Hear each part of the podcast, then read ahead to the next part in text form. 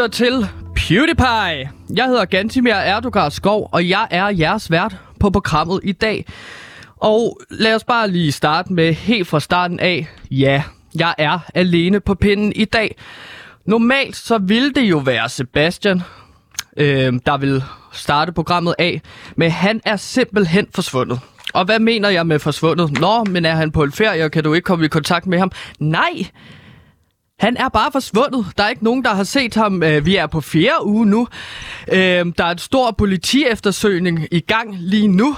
Øh, jeg har for eksempel også prøvet at skrive til Arla for at få hans billede på mælkekartoner, sådan så vi virkelig kan komme ud over stepperne og så få fundet Sebastian. Arla har ikke vendt tilbage. Og vi har stadig ikke fundet Sebastian. Så Derfor skal programmet PewDiePie jo ikke stoppe. Vi har en sendetilladelse, som vi skal gå op i.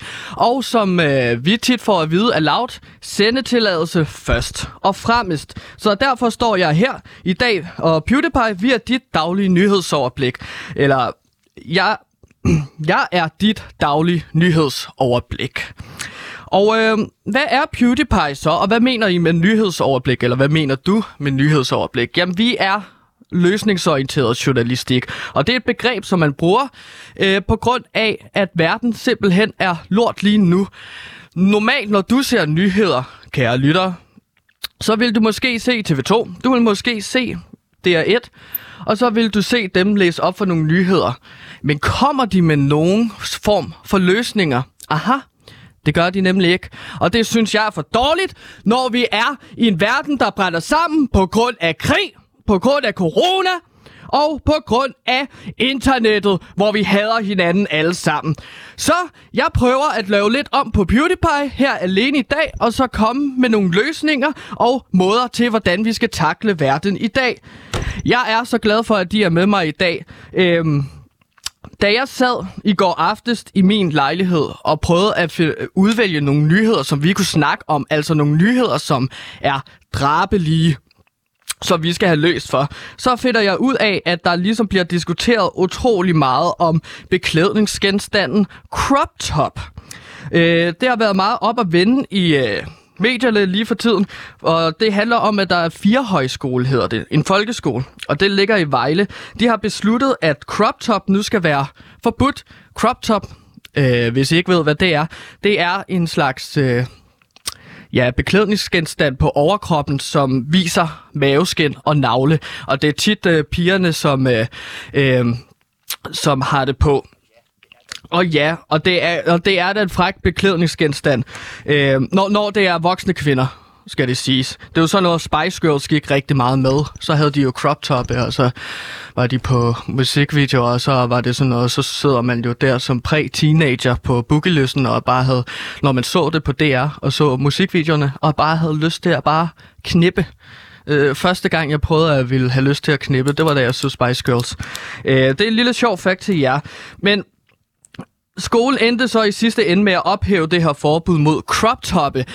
Øhm, og der tænkte jeg jo på, øhm, har vi ikke vigtigere nyheder at snakke om? Fordi at for at være ærlig, så er det jo en historie, som vi har hørt før. En nyhed, vi har hørt før. Så når, altså, da jeg var lille, tilbage, da jeg gik i folkeskole, mine kære venner. I folkeskolen, og der snakker vi altså fra nullerne frem til år 2010 der var jeg jo... Øh, ja, jeg har vel været de her 13 år, tror jeg, deromkring. Og der begyndte man jo også at diskutere omkring øh, år 2003 øh, til år 2006, der begyndte man også at diskutere de her crop toppe. Øh, fordi det var noget, pigerne var begyndt at gå med i folkeskolen. Og det var da spændende øh, for mange fyre, og, men der var den her diskussion øh, blandt forældre, skal pigerne virkelig have sådan noget crop top på? Og det handler jo også om, at når Spice Girls, som jeg lige nævnte, eller Avril Lavigne, den her pop, øh, pop-punk-idol øh, fra nullerne, de optrådte på musikvideoer, så havde de jo de her crop toppe på. Så det var jo noget, pigerne så op til. De her øh, idoler var det, og derfor gik de selv med crop top. Men jeg skal da også sige, at min personlige historie handler mere om, at jeg jo også var fascineret af en kunstner som Ariel Lavigne. Så jeg begyndte også at gå med crop top i folkeskole. Og det var jo... Øh, altså, ja, den tager jeg gerne. Det var meget progressivt, og jeg var forud for min tid. Øhm, så jeg møder så ind i folkeskolen med min crop top, øh, med bleg, øh, tyk mave, og også lidt behåret, underligt behåret, når jeg var 10 år den her mave rundt omkring navlen. Øhm, det var ikke tit, jeg fik vasket navlen med den anden historie. Jeg har også været til lægen med den navle. Den dukker op igen øh, i mine sene 20'er her. At det er jo sådan noget med, at der nogle gange går betændelse i, men jeg skal også lade være med at... Men det har jeg fået at vide, at jeg ikke skal snakke om i radioen. Øh, jeg kan bare sige, lad være med at pille navle med en kuglepind. Men det, der så sker i folkeskole, det er, at jeg så møder op med crop top og glæder mig til at vise den frem. Jeg har fundet et dødningshoved på min crop top, som så også har den her blege betændte mave. Og jeg kommer så ind, jeg havde historieundervisning øh, som det første fag. Og der er det så, at øh, min historielærer, lige når jeg træder ind, øh, lille, øh, sådan 11-årig kår har jeg sikkert været, så kigger han på mig, den øh, gamle herr Grunde, hed han. Og så slår han mig i maven. Og når man er i den alder, så forstår man ikke altid, hvorfor det er, at en vokse gør, som de gør. Så jeg følte jo lidt, at jeg fortjente den øh, mavepine. Men mest af alt, så øh, begyndte Grønte, herre Grønte, der, øh, der snart skulle gå på pension. Han var jo fra en anden tid, skal I forstå. Men det var sådan en ting, at når jeg mødte i skolen med crop top, så sagde han, nu bliver, får du en, øh, øh, en øh, henvisning til toilettet. Og det jeg så gjorde, det var at spærre mig inde på toilettet i hele historietimen. Og hvad vil jeg så med den her historie? Jo, kære lytter, det er, at jeg vil simpelthen sige, at jeg vil have ønsket, at jeg som præ-teenager ikke gik med crop top. Altså, at crop top det blev forbudt, fordi at jeg tror lige nu, at pigerne kommer til at få nogle reaktioner fra forældre og fra drenge, øh, fordi at drengene kommer helt til at, sikkert til at svine dem til. Det er forkert selvfølgelig, men kan vi undgå det? Det tror jeg ikke. Bare se på forældrene på den måde, de snakker om. Så til jer piger, så siger jeg bare, det kan godt være, at de ikke kan lade være, men så er det skolen, der bestemmer, fordi at det vælger det bedste. 5. klasse for Nille Gantemir. Den havde altså været meget federe, øh, hvis øh, crop top det var forbudt for Gantimir. Det bliver et kæmpe ja tak til øh, crop top forbud. Vi har en masse spændende ting for til jer i dag, kære lytter. Jeg er alene på pinden, men vi har forskellige nyheder, som vi skal igennem. Jeg er glad for, at I joiner mig. Nu er den her. Det nye store podcast-hit fra de drablige skabere af Mor i Nord kommer nu. Spyd i Syd. En eventyrlig fortælling om den spanske spydkaster Julio Marianos kamp mod spydkasternes verdens elite. Andale! Hør Spyd Syd eksklusivt på Radio Loud.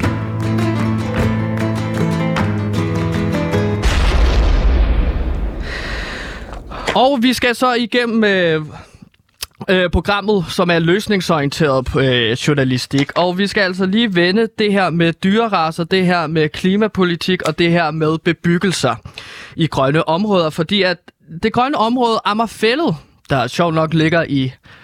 Prøv at gætte, du får to sekunder. Amager. Og øh, der er dyreliv, der er øh, træer, der er planter, og lige nu er det jo Amagerfællet til stor diskussion i København, fordi at der er planlagt, at der skal oprettes boliger og bebyggelse. Og øh, det er blevet vedtaget af en styrelse, at man øh, nu, det er derfor, der stadig er problemer, man har ikke startet byggeriet endnu. Det er blevet bestemt af en eller anden bestyrelse, jeg ved det ikke, øh, prøv at google det selv, at øh, man kan ikke bygge på Ammerfællet, uden at det er til skade for plantelivet for eksempel. Men en af de ting, som der også går ud over, hvis man bygger der, det er jo den her lille øh, vandsalamander, som lever i Ammerfællet.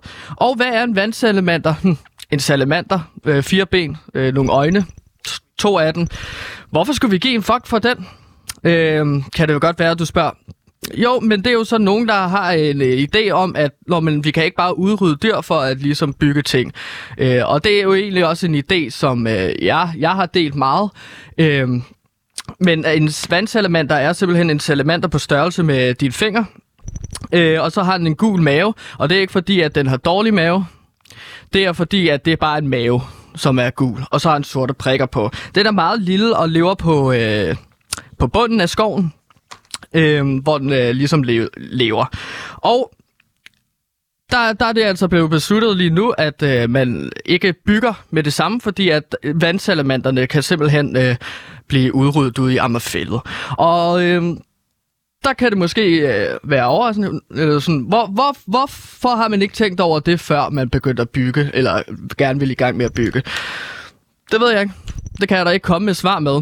Det kan måske godt virke abstrakt at høre, at om nogle vand, små salamander, at dem vil vi gerne forsvare og beskytte og redde. Hvad er det for nogle vandsalamander? Det, jeg har jo ikke været i Ammerfællet. Har det noget med Ammerfællet at gøre? Er det virkelig så vigtigt? Derfor tog jeg jo tidligere i dag ud til Ammerfællet, for at øh, lave en reportage, øh, ligesom mærke øh, stemningen, det grønne område, øh, og så prøve at se, om jeg kunne finde nogle vandselementer. Og øh, prøve at se og mærke, hvad er det, vi skal til at miste i København, en, øh, et grønt område. Øh, det har jeg lavet en reportage om, som sagt, og øh, det får I sgu da bare nu.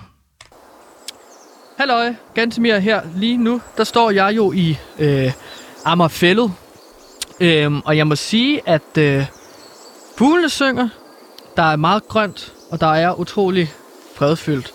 Det er på sin vis utrolig smukt og utrolig roligt. Men det er svært ikke at blive bit af den her stemning, som den grønne oase øh, i det her grå helvede, der er København, er. Og jeg må jo indrømme, at jeg bliver helt sådan poetisk, når jeg går rundt her. Øh, det er sådan en ret romantisk at forestille sig, vandsalamanderne kravler rundt og lever på bunden af skoven. Øhm, altså, de gamle romantikere mente jo, at man i naturen kan føle Guds væsen.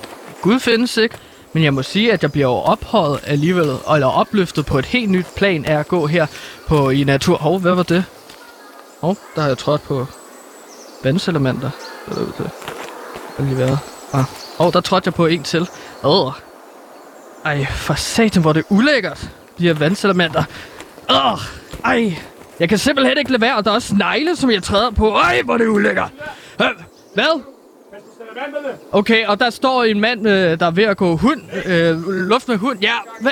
Jamen, det, jeg går en tur, jeg sender øh, radio til loud reportage, og jeg, jeg må se, at jeg kommer til at træde på de her svandsalamenter. Jeg, jeg, jeg prøver at lade være! Jeg prøver at lade være! Du skal ralle mig! Jeg prøver at lade være med at bide de her vandsalamander! Du kan løbe! Jeg slår ud efter dig! Jeg spørger på dig! Her, hvis du er så glad for vandselementer, så kaster jeg dem efter dig! Ej, hvor du ulækker! Kan du så komme væk? Det her, det er et forfærdeligt sted! Du kan ikke gå et sted i Ammerfældet uden at ramme nogle vandselementer! Farvel til dig, og farvel herfra tilbage til studiet! Ja, og som I så kunne høre her på min reportage, så er vandsalamander altså noget, der får øh, folk op i det røde felt. Øhm, ideen om, at jeg bare kan gå en stille og rolig tur i Abberfældet, og så bare blive antastet. Fuldstændig altså angrebet af en mand, der går en tur med sin hund. Det synes jeg var meget, meget ubehageligt.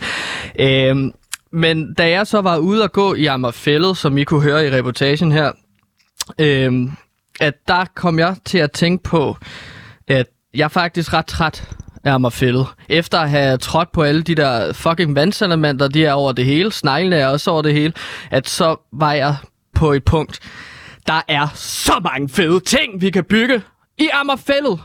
Der kunne være den for, for eksempel kunne der være den fedeste parkeringsplads med flere etager, hvor bilerne kunne stå. Vi kunne også bygge en ny forlystelsespark med Pariserhjul. Det har jeg faktisk en idé til, øh, som jeg har arbejdet på i meget lang tid. Men det er jo Pariserhjul, og det er øh, sådan gyldentårnagtigt, og det er Candyfloss, mine øh, gode, gode venner jeg lytter. Øhm, så der er rigtig mange fede ting, som man kan bygge. Man kan også bygge en restaurant ved øh, tre etager. Det er også en idé, jeg arbejder sig øh, på. Øh, en form for øh, TGI Friday kunne man bygge derude. Så kan man bare komme ind fredag, og så er der ellers bare fadøl og drinks, og så er der også en lækker buffet, hvor man kan få tre forskellige sorter kyllingsbød. Øhm, jeg er på at bare øh, jævne Ammerfællet med jorden, og det er simpelthen også fordi, at jeg synes, at ja, folk bliver så vanvittige over de der små dyr va- vandselementer. Ammerfællet er jo tydeligvis kun i vejen. Øh, men derfor ikke sagt, at jeg går ind for, at man udrydder vandselementer, så det er også derfor, at jeg har en lille kasse med ind i studiet, det kan I så ikke se. Men jeg har faktisk, øh, ja, du kan sige, bortført vandselementer fra deres naturlige habitat. Øh, så den, øh, det har jeg tænkt mig, at vi skulle have som et lille akvarie herude på Loud, øh, hvor jeg samtidig også har tænkt mig at parre dem med hinanden. Sådan så, at vi ikke, at de her vandsalamander ikke øh, uddør. Folk virker så glade for vandsalamanderne, at, øh, så jeg tænkte, måske vil de høre, hvordan de knaller. Så jeg tænkte mig, kære lytter, når vi laver løsningsorienteret journalistik, ja, jævn jævn mig fældet med jorden, tag salamanderne ud, få dem til at parre sig med hinanden, putte mikrofonen ned, og så lave sådan noget ASMR, så folk rigtig kan høre, hvordan en vandsalamander knipper, hvis I elsker dem så meget. Øhm, Ja, konklusionen og løsningen herfra, det er, lad os øh, rive Amagerfællet med jorden, øh, bygge parkeringspladser, TGI Friday, og så tage vandselementerne ud, og så øh, lad os sørge for, at, øh, at øh, dyrerassen kendt som vandselementer ikke uddør. Snegle må godt uddø, men det er en anden sag. Øh, Hej, det er David Mandel, a.k.a. Øh, Lille Olsen. Øh, jeg vil bare sige, at PewDiePie var dem, der gav mig chancen for at komme ind og optræde og startede min karriere. Jeg skylder dem øh, alt. Og da jeg havde sex med min, en ko, min kone for at lave vores øh, seneste barn, der hørte jeg PewDiePie imens.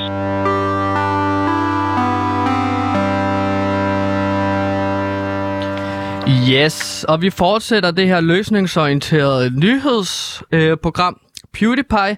Jeg er jo alene på pinden. Sebastian er ikke med os, øh, men showet must go on. Og et show, der must go on til åbenbart, det er jo, at Taliban nu er stærkt tilbage i Afghanistan. Og det har jo startet en debat om, hvorvidt den her årlange mission i Afghanistan om overhovedet har været det værd, fordi at USA har trukket sig ud, og den vestlige verden dermed også har opgivet Kabul, øh, den store by i Afghanistan, til Taliban. Øh, og en af grundene til, at vi kan have den her debat overhovedet omkring øh, situationen i øh, Kabul og i Afghanistan, det er jo, at vi har nogle super modige journalister, som er øh, udsendt til et land, hadeland som Afghanistan.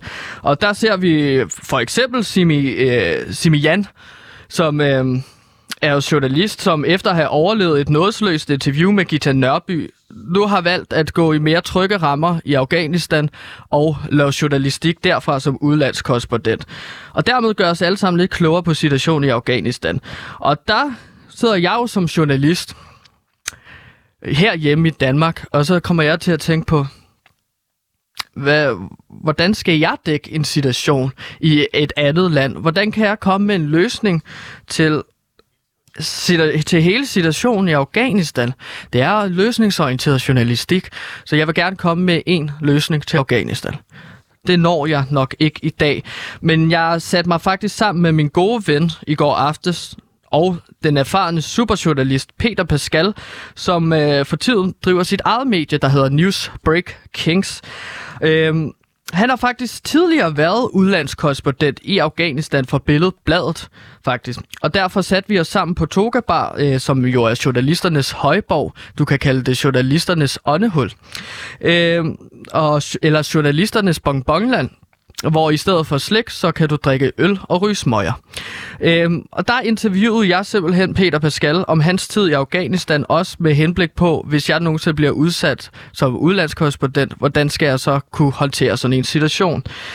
Jeg kalder den her serie, fordi at det er en øh, samling af bidder over de næste mange afsnit. Øh, det kommer, den her øh, bid kommer til at være en del af en serie, som jeg kalder for Samtaler om journalistik med Peter Pascal. Og øh, det, som vi skal høre nu, det er en bid fra vores samtale, hvor jeg spørger ind til det at være i Afghanistan.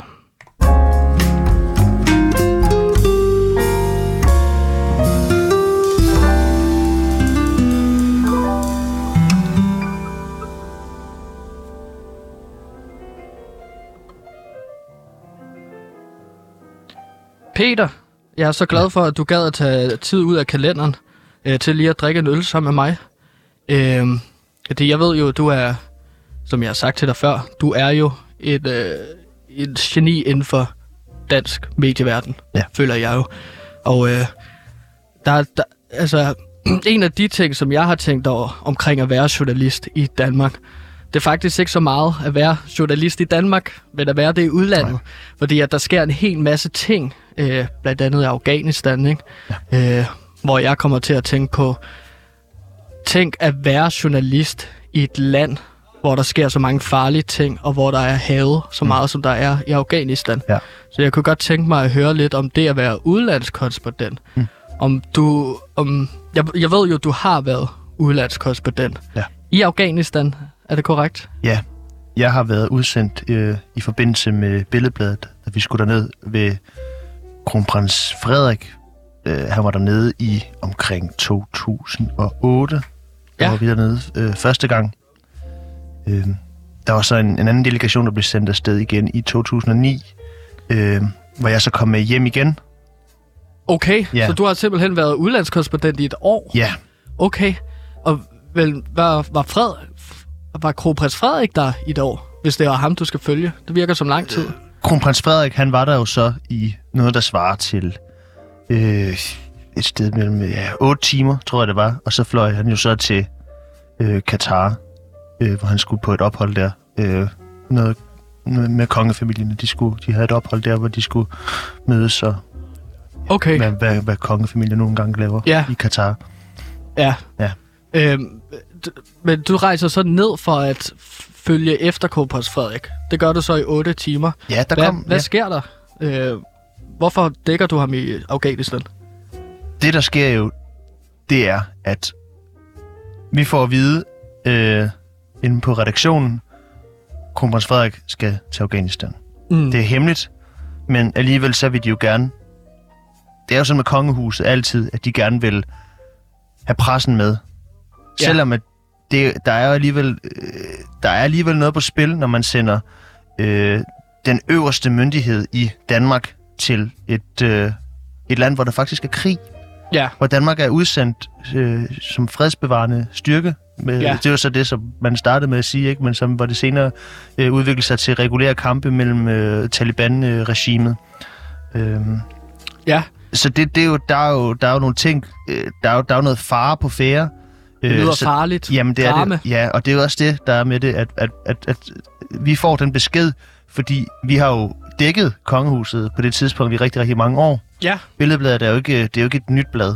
Så der er jo nogle, der er jo nogle connections der, Mm. øhm, som gør, at, det er os, de ringer til først. Også, eller, også nu siger jeg også, ja, jeg er der jo ikke mere, så... Nej, nej. Men ja, det var de, det. de, ja. har så, de har så taget kontakt til dig, og så vil... ja. Eller har de taget kontakt til Billedbladet, og så vælger Billedbladet en korrespondent, der ja. Skal til udlandet. Det er jo det, fordi som et led i min øh, praktik, så skal jeg jo så følge en af øh, fotograferne, som jo så er øh, har tidligere været afsted som øh, krigskorrespondent. Ja. Øh, krigsfotograf er det jo så. Øh, krigsfotograf. Ja. Ja, ikke fo- fo- hvad, hvad sagde jeg? Foto, fotograf. Fotograf, tror jeg bare, du Okay, sagde. jeg sagde fotograf. Okay. Men der er forskel på krigsfotograf og så bare at være almindelig fotograf. Ja, altså, det. det. man kan jo sige, at billedbladet, vi har jo også, eller, eller, vi tager jo også andre billeder end, end, end, end, hvis- end, end krigsbilleder. Øh, billeder. det kunne jo også godt være kendte mennesker. Er det ikke i deres- primært øh, kendte mennesker, I tager billeder af? Det er vel ikke så meget Jo, krigsdækning, I laver og det er jo på? det. Det er jo det. Okay, Ja. ja. Det er, det er for det mest, altså det er jo det, og billeder af kongelige, og så også, altså, det er jo ikke fordi, vi tager så mange billeder selv. Altså meget, mange af billederne, det er jo noget, der bliver fremsendt af os, fordi det, som der var, som vi tjener, eller vi tjente mange penge på dengang, det var jo billeder fra øh, udlandet. Det kunne være JC, det kunne være Beyoncé. Altså, øh, vi har jo nogle kontakter rundt omkring i verden, hvor de så sender deres billeder til os. Ja. Øhm, så smider vi en klækkelig sum for det, og så tjener vi det ind igen ved at sælge det her i bladene. Mm. Ja. Altså, jeg, jeg kommer jo til at tænke på Jan Grahup. Ja. Han er jo ja. en meget øh, kendt sådan, øh, fotograf, der ja. Blandt andet har taget billeder af øh, krige Ja. og øh, ligesom havede steder. Ja. Har han nogensinde sendt billeder ind til øh, Billedbladet? Så vidt jeg husker, så var det jo tilbage i 2001, hvor øh, det, det var jo så under invasionen i Afghanistan, hvor Jan Graup havde taget nogle billeder, øh, som, var meget, øh, som var meget mørke. Øh, fordi han ligesom var på, han var afsted sammen øh, med, med styrkerne. Ikke? Øh, han havde fået et lift af den am- amerikanske... Øh, det nu, øh, de, de satte jo ind med tropper. Ja. Der var Jan Graup jo med på første, og, og, og så, så jo, hvordan at der blev skudt, og der blev bombarderet og så videre. Ja, Og det er der jo ikke nogen nyhedsmedier, som overhovedet var interesseret i. Øh, altså, det var vi jo. Og vi havde jo også tænkt os, at det skulle deles. ja, Men der er jo så igen nogle presseetiske ting og sådan og sådan, ikke? Og okay. Ja. som hvis man kigger på nogle af hans værker, fordi han har udgivet mange af sine værker senere, mm. det, er jo så, det er jo så nogle af de billeder, der, der er kommet frem her. Okay, ja. Ja. men, men der tænker jeg jo, at der er man meget rutineret som udlandskorrespondent mm. Og som krigsfotograf. Ja. Hvad, hvad for en erfaring har du med øh, op til det her? Op til det, ja. ja, Ja, til okay. at du bliver sendt afsted til Afghanistan med kronprins Frederik. Altså, man kan jo sige, jeg har jo læst rigtig meget om det. Om konflikten. Det er jo også på en eller anden måde en erfaring. Det der med, at man har sat sig ind i, hvad er det for en konflikt? Hvem er parterne? Hvem er dem, som mødes Mm. øh, og slås? Og det er jo på sin vis, altså, det kan godt være, at man ikke er i felten, men alligevel det der med, at man har sat sig lidt ind i tingene, så på en eller anden måde, så er man jo også i felten.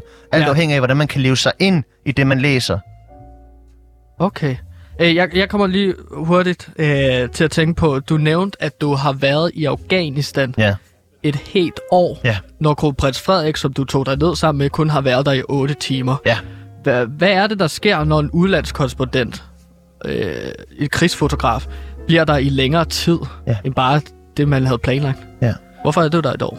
Vi har jo rejst, øh, vi rejste med ham derned til Helmand, ned til Camp Danevang i sin tid. Ja, Og øh, ikke så langt fra Camp Danevang, der ligger sådan en lille by, der hedder Putsbjer, Mm. mm. hvor øh, en, øh, en klan, der hedder øh, Sigdor-klanen, de er. Sigdor-klanen. Sigdor-klanen, de okay. er huseret.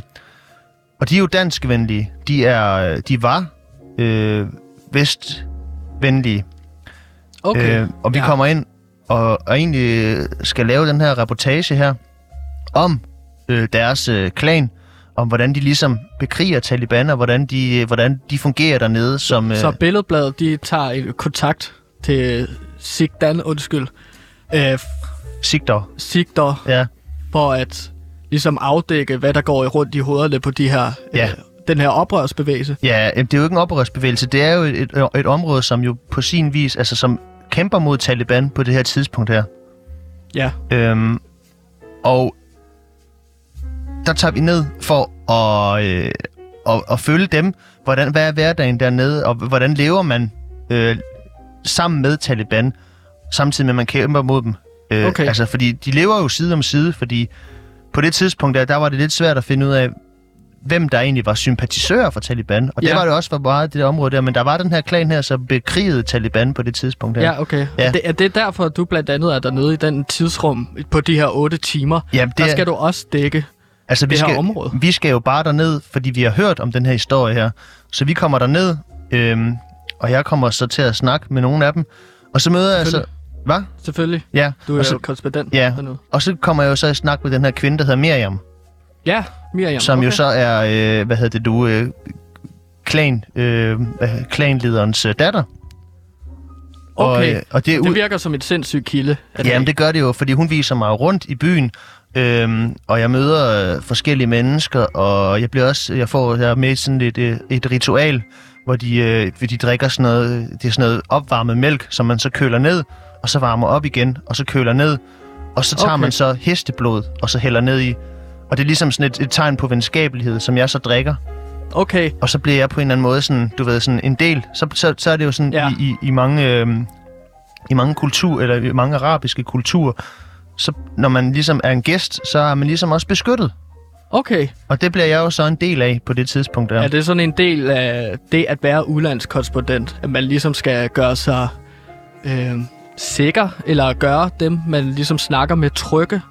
Ja. Er der nogle ting, man bliver nødt til, som man ellers ikke ville have lyst til?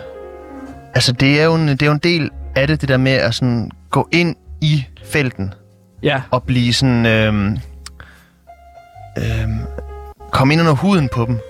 ja. Øhm, det er deltagende journalistik. Øh, Okay. Ja. Og her det- i din uh, deltagende journalistik, Ja. der bliver Miriam så din primære kilde. Ja, Altså klanlederens datter. ja. Som, hvad, hvad, hvad går hun og fortæller dig? Så i løbet af de her otte timer. Jamen, det starter jo med, at øh, øh, vi får drukket det der mælk der, øh, og så går vi videre, så skal hun så vise mig en mark. Hun sagde, mark? ja, Okay. øh, øh, hvad jeg så siger sådan til, hvor hun siger så til mig, at jeg, jeg skal se den her øh, mark her, og så kommer vi ud, og så er det jo en valmuemark. Ja. Og det betyder jo så, at den her gruppe her, de er jo i gang med at, øh, altså, det, det er jo, de er jo i gang med at producere narkotika. Ja.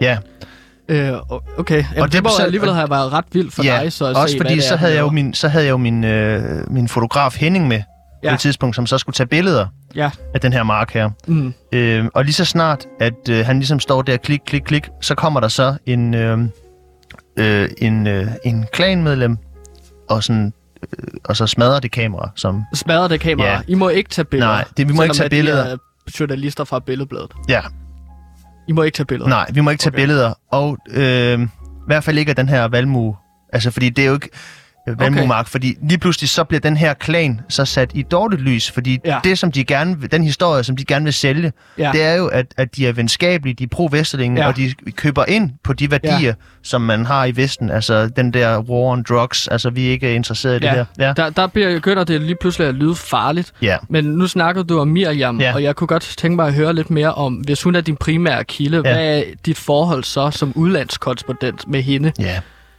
Øh, Det sker jo det lige efter, at kameraet er blevet, blevet smadret, og vi, vi ligesom snakker sammen og sådan noget. Hun får beroliget ham manden der og sådan noget, at, at jeg så får alene tid med Miriam.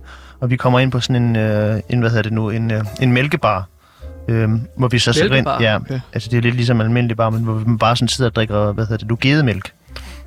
Kunne det være. Eller det kunne også godt være almindelig komælk eller sådan noget. Det er bare sådan mælke... Altså, du, du kan også... Det, det, er jo ikke, det er jo ikke kun Afghanistan-ting. Det er jo også alle mulige andre steder. Det ved jeg, altså, man snakker i København. Altså, hvis du går herop på Ja, ja, Bar her, ja. så kan du også godt få et glas uh, gedemælk, hvis du altså, beder om det. Der er også nogen, der snakker om hønsemælk.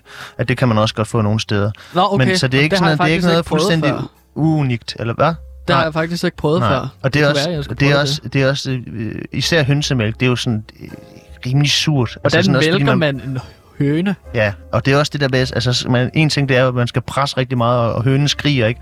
Og du får den der stressede ja, mælk ud, men- ikke? Som jo faktisk ikke er så velsmagende, og det gør jo også noget ved kødet senere, fordi tit mange af de der høns, de dør jo af smerter, Okay. øh, efter at de er, blevet, de er blevet malket så hårdt. Men Peter, jeg er bare ja. lidt i tvivl om... Nu skal vi snakke om at være udlandskorrespondent, ja. Ja. men jeg bliver simpelthen nødt til at høre... Fordi at ja. Ja. normalt, hvis man skal kunne producere mælk, så skal man have brystvorte. Ja. Hvor sidder brystvorterne hen på hønen? Det ved jeg da ikke, altså det kunne jo være alle mulige steder, men det ved jeg, ja, det er sådan, noget, hvad hedder det nu, øh, omkring ribben, altså hvis vi tager fat her, så, så er det sådan under ribben-agtigt. Okay. Hvis du presser hårdt ud, så kommer der sådan nogle små sp- spidse klumper noget. Som du så hiver. Jamen det er det jo. Altså, det jo hvis, du har, da, har du aldrig set en, en, en, en hønemor malke, eller blive malket af de, af de andre øh, høns? Eller, ja. Er de andre høns? Nej, Men, øh, kyllinger? Det er også, det er Nå, også lige meget, altså, fordi det er ja. historien, det handler om. Det handler jo Jeg, om den jeg, her... jeg kom bare lige til at tænke på, at der er jo selvfølgelig noget, der hedder kyllingebryst. Ja. Hvorfor hedder det kyllingebryst? Det er jo fordi, ja. At de har bryster, som man så kan malke. Jamen det, ja.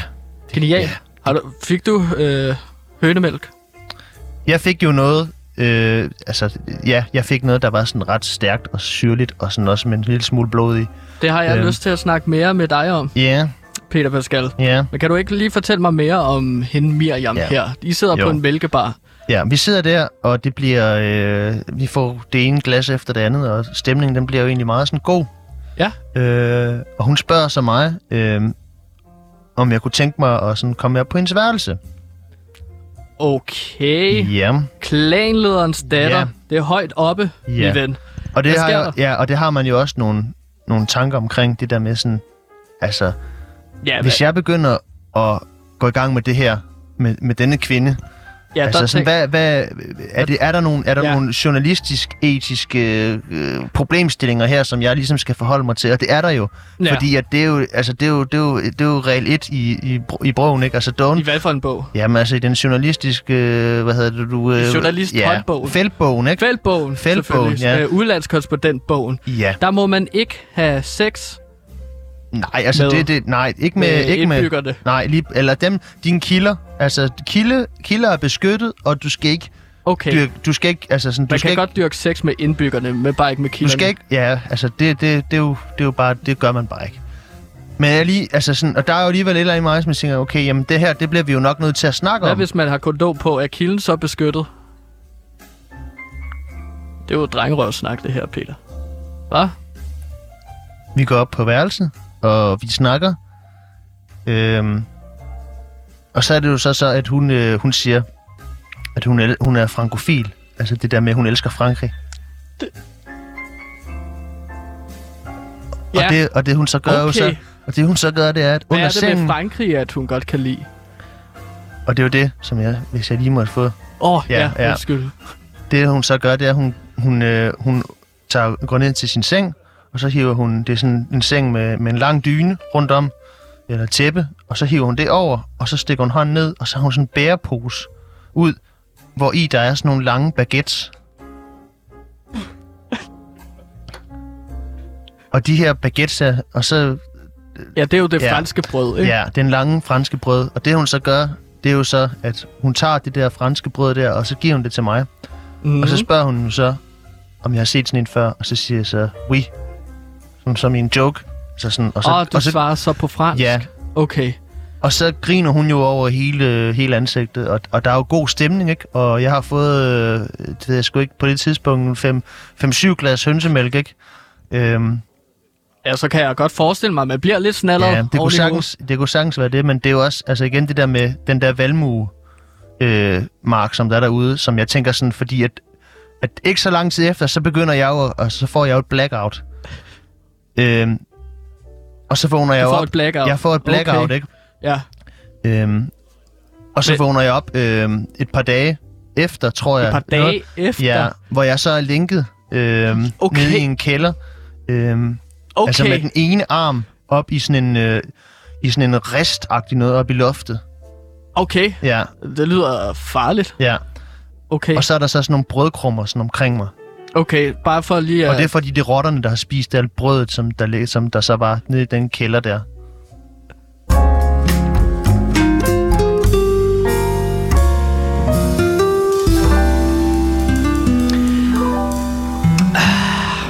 Så nu er vi tilbage øh, i studiet, og, øhm, hvor I skal høre øh, den sidste halvdel af, hvad jeg snakkede med Peter Pascal om, omkring at være udlandskorrespondent.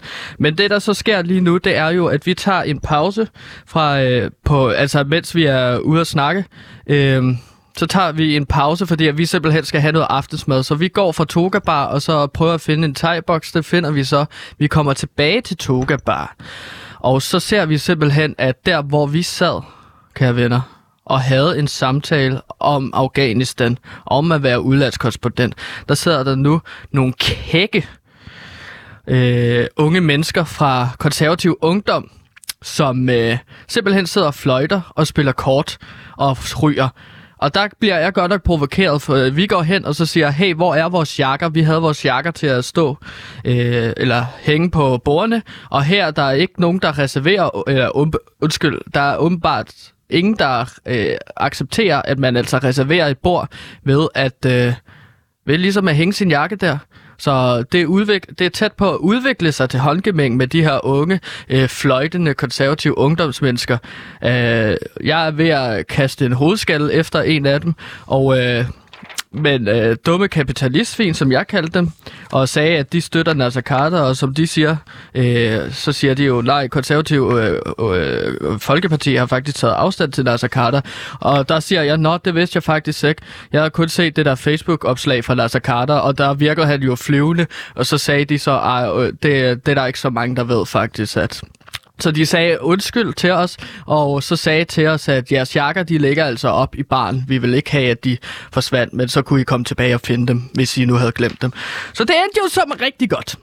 Øh, mig og Peter, vi fandt så et andet bord, og der fortsatte vi altså vores øh, videre samtale om, øh, hvordan øh, Peter Pascal, lige så hvad han oplevede i øh, Afghanistan som udlandskorrespondent. For Peter Pascal har netop fortalt, at han blev til, taget til fange af modstandsgruppe i Afghanistan. Og øh, det videre samtale, den skal I så høre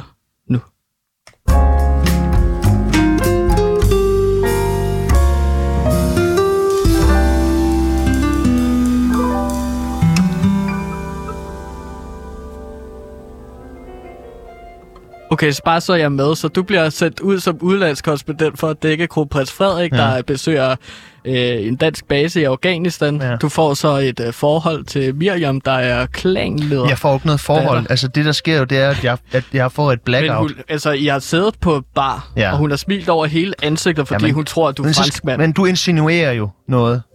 Du insinuerer, at der har været noget andet end den professionelle distance. Nå, men det, det lyder bare været. som om, at du gerne vil have, at der var noget mere mellem jer. Du tager jo op på hendes værelse.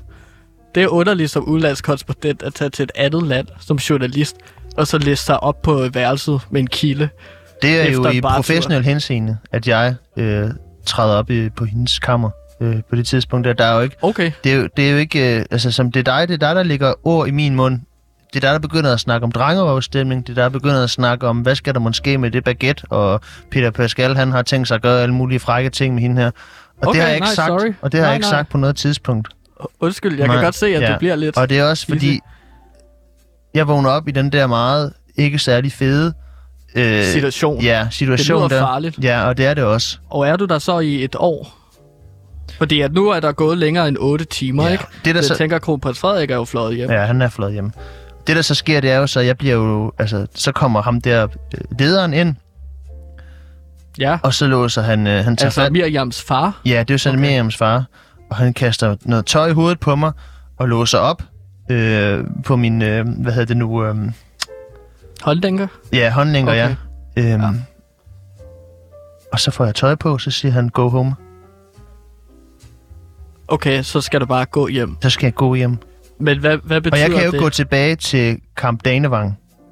Hvorfor kan Så du hele ikke? vejen, så det næste års tid, skal jeg jo snakke med kurerer, og jeg ved ikke hvad, for at kunne komme ud af det her område her. Hvorfor kan du ikke tage tilbage til Dannevang? Fordi det ligger på det tidspunkt, eller der hvor Dannevang lå, det er jo omkring 300 kilometer fra den by, hvor jeg er i på det tidspunkt der. Okay, og men det vil sige, den der by, er vejsidebomber hele vejen rundt, og der er, jeg ved ikke hvad, der er skud, skud og marker, og jeg, jeg skal komme efter dig.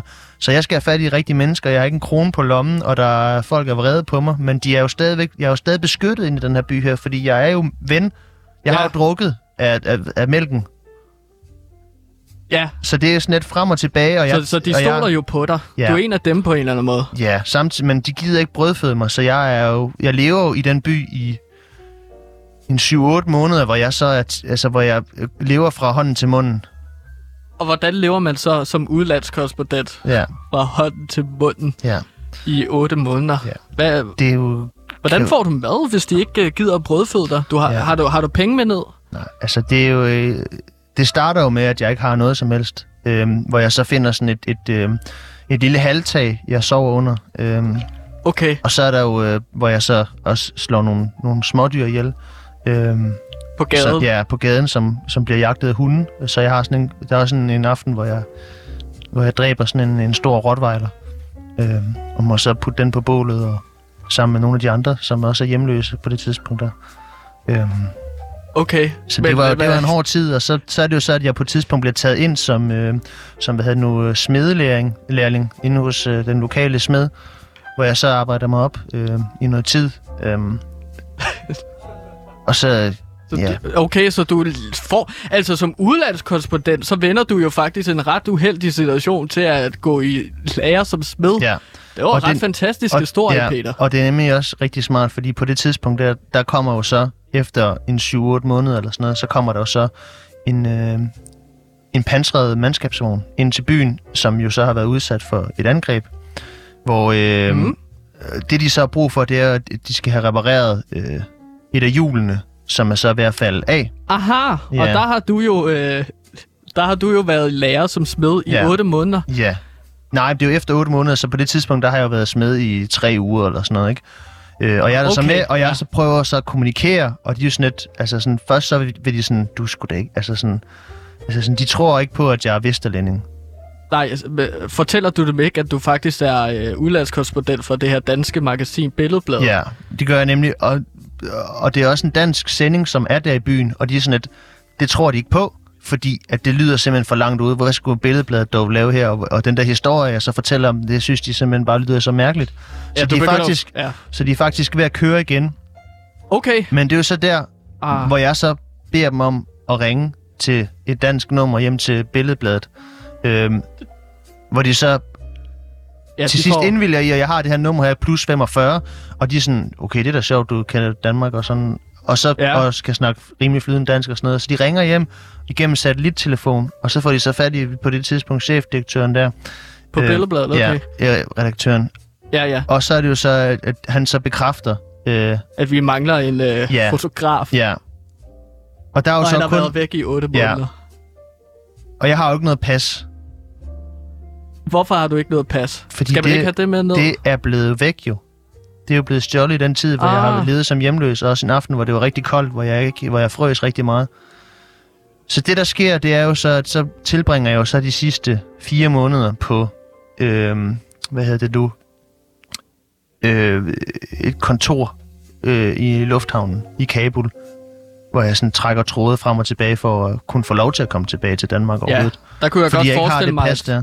Ja, der kunne man godt forestille, eller der kunne jeg godt forestille mig, at hvis man ligesom kommer til lufthavn, og så insisterer på, at man er udlandskorrespondent for et dansk ja. magasin, men man ikke har pas med, Ja. at der er, det er jo, det er jo mange kampe, du skal tage, mange hårde kampe, Ja. man vel skal tage. Ja, det er det også. At, øh, der, skal, der skal være styr på papirerne, selvom man er udlandskorrespondent. Ja. virker det til. Det skal der. Okay. Men kommer du så... Øh, det ender jo så også med, at byen bliver ramt af et øh, droneangreb, ikke? Ja. Ja, ja og du, øh, så du, du når jo faktisk at flyve hjem, som Ja. jeg husker det, Mm, inden den her drone rammer byen, hvor Ja. Miriam også blandt andet der bor i, ikke? ja. Okay. Jeg har jo ikke set Miriam øh, siden den aften der. Øhm, og der, jeg er ikke, altså sådan, det, jeg ved jo også, at den der mark, der, den blev jo også fuldstændig brændt af. Altså, Er det noget, du er ked af det? Fordi det er jo nogle forhold, du har haft til en by og nogle mennesker, ikke? Jeg har- synes, altså, på en eller anden måde, så kan jeg jo også godt se, at det her, det er jo menneskeliv, det handler om. Mm. Øhm, men samtidig så er det jo også sådan, altså, det er jo ikke en, det er jo ikke en tid, som jeg, som jeg sådan er, har, tænker tilbage på med, med en glæde. Øh, men altså, hvad, hvad, kan man jo så spørge sig, hvad, skal det, min, min, min vrede over for den her befolkning her, er, er de så fortjent med, at de ikke skal være her længere? Det, det mener jeg bestemt ikke. Er det svært, når man er udlandskorrespondent og oplever sådan nogle ting i sådan et krigshavet land?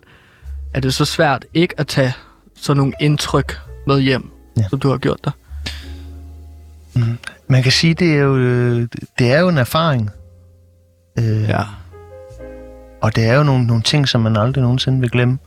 Mm. Øhm, blandt andet med den, altså en ting, det er jo det der med, hvad man har levet af på gaden med, med rottweiler og, og Ja, du rotter har slået, og også. du har slået hunde ihjel, ikke? Ja, det har jeg. De er jo ret cute. Ja. Øhm, Jamen også de ting, man har skulle gøre for at altså, få, øh, bare få, få kluns på, på, på kroppen. Altså, helt sikkert. ja. Og hvornår starter du så på billedbladet igen? Lige når du kommer hjem. Jamen altså, på det tidspunkt, der, der er de jo meget sådan, hvor har du været? Okay, og, de har jo snakket også med noget så dansk var jeg militær, Ja, men, men de er jo også alligevel sådan, at det er, der, der, er, der, er nogle, der er nogle ting... Det er fandme lang tid at min, pjekke, min, ikke? man kan sige, at de ressourcer, som var givet til min stilling der, Mm. øh, og min ansættelse og sådan, betyder jo, at i og med, at jeg ikke har været til rådighed, øh, og ikke har svaret på opkald, jeg har ikke øh, svaret på mails, har jo gjort, at, øh, min, at, jeg ble, at, jeg, er den, at jeg er blevet opsagt, og har været opsagt i nogle måneder der. Okay, Ja, så stopper du på billedbladet så? ja. Jeg er ikke, jeg er ikke, jeg stopper på billedbladet, og så tider senere komme videre med min egen karriere. Okay. Øh, Ja, det vil jeg også gerne høre noget Ja. mere om. og det var jo blandt andet der med DR og... det, øh, jamen, det lyder super, Ja. det lyder super spændende at, at, høre lidt om, hvordan det er at være sådan udlandskorrespondent. Ja. Øhm, øhm, ja, så du har simpelthen øh, været øh, udsendt til Afghanistan for at dække kronprins Frederik derhen, og så sker der bare ting og sager, når man er udlandskorrespondent, der så ender med, at du lever på gaden ja. og spiser hunde og kommer i øh, lære som smed, Ja. inden øh, du så får lov til at tage fly hjem, heldigvis øh, efter at, øh, eller inden at ja. Byen, som du har været udlandskorrespondent i, bliver bombet af en drone. ja. Tusind tak, fordi du fortalte mig om at være udlandskorrespondent, Peter Pascal. Du siger bare til igen til mig.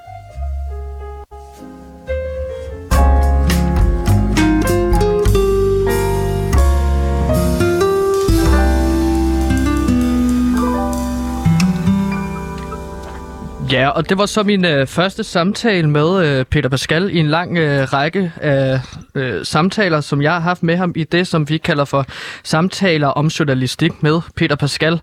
Og her hørte vi jo faktisk i virkeligheden, hvor farligt øh, livet som udlandskorrespondent kan være, især når man bliver sat i et af verdens øh, brandpunkter.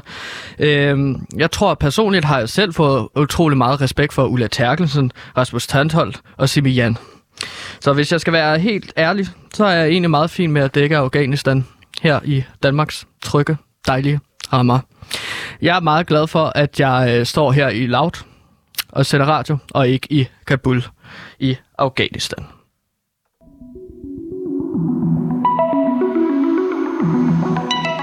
Nu er den her. En fremadstormende podcast, folket kommer til at elske. Fra skaberne bag Mor i Nord, Spyd i Syd, Hest i Vest og Høst i Øst, kommer nu Måne i Skåne. En fortælling om to unge raketbyggere i Malmø i 1990'erne. En podcast på 89 afsnit. Hør Måne i Skåne, eksklusivt på Radio Loud.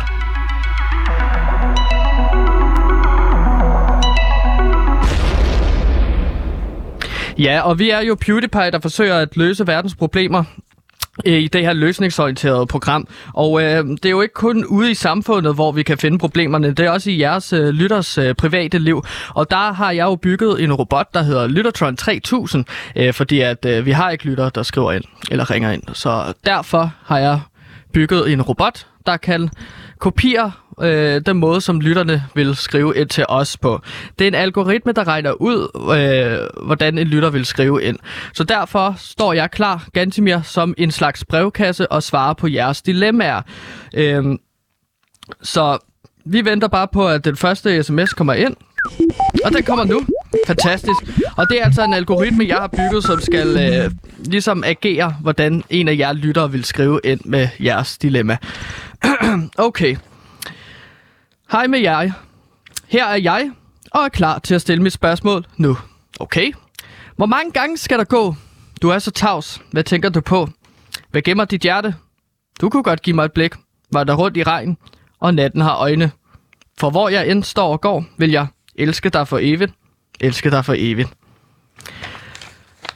Det er jo ikke et spørgsmål, kære lyttere. Og der tror jeg, jeg skal ind og rette lidt på Lyttertron, fordi at hvis man ikke lige fangede den her reference, så tror jeg, det er en sang fra Lars Huck med Elsker dig for evigt. Og, og så den har simpelthen forvekslet øh, sangen med et lytterdilemma, og det siger måske lidt om, øh, hvor gode Lars Hucks tekster er. Det er skarpe holdninger herfra. Det var Gantimirs brevkasse. Øh, så, øh, ja, dejligt at snakke med jer, lytter. Mit navn er Frans. Det her er radio.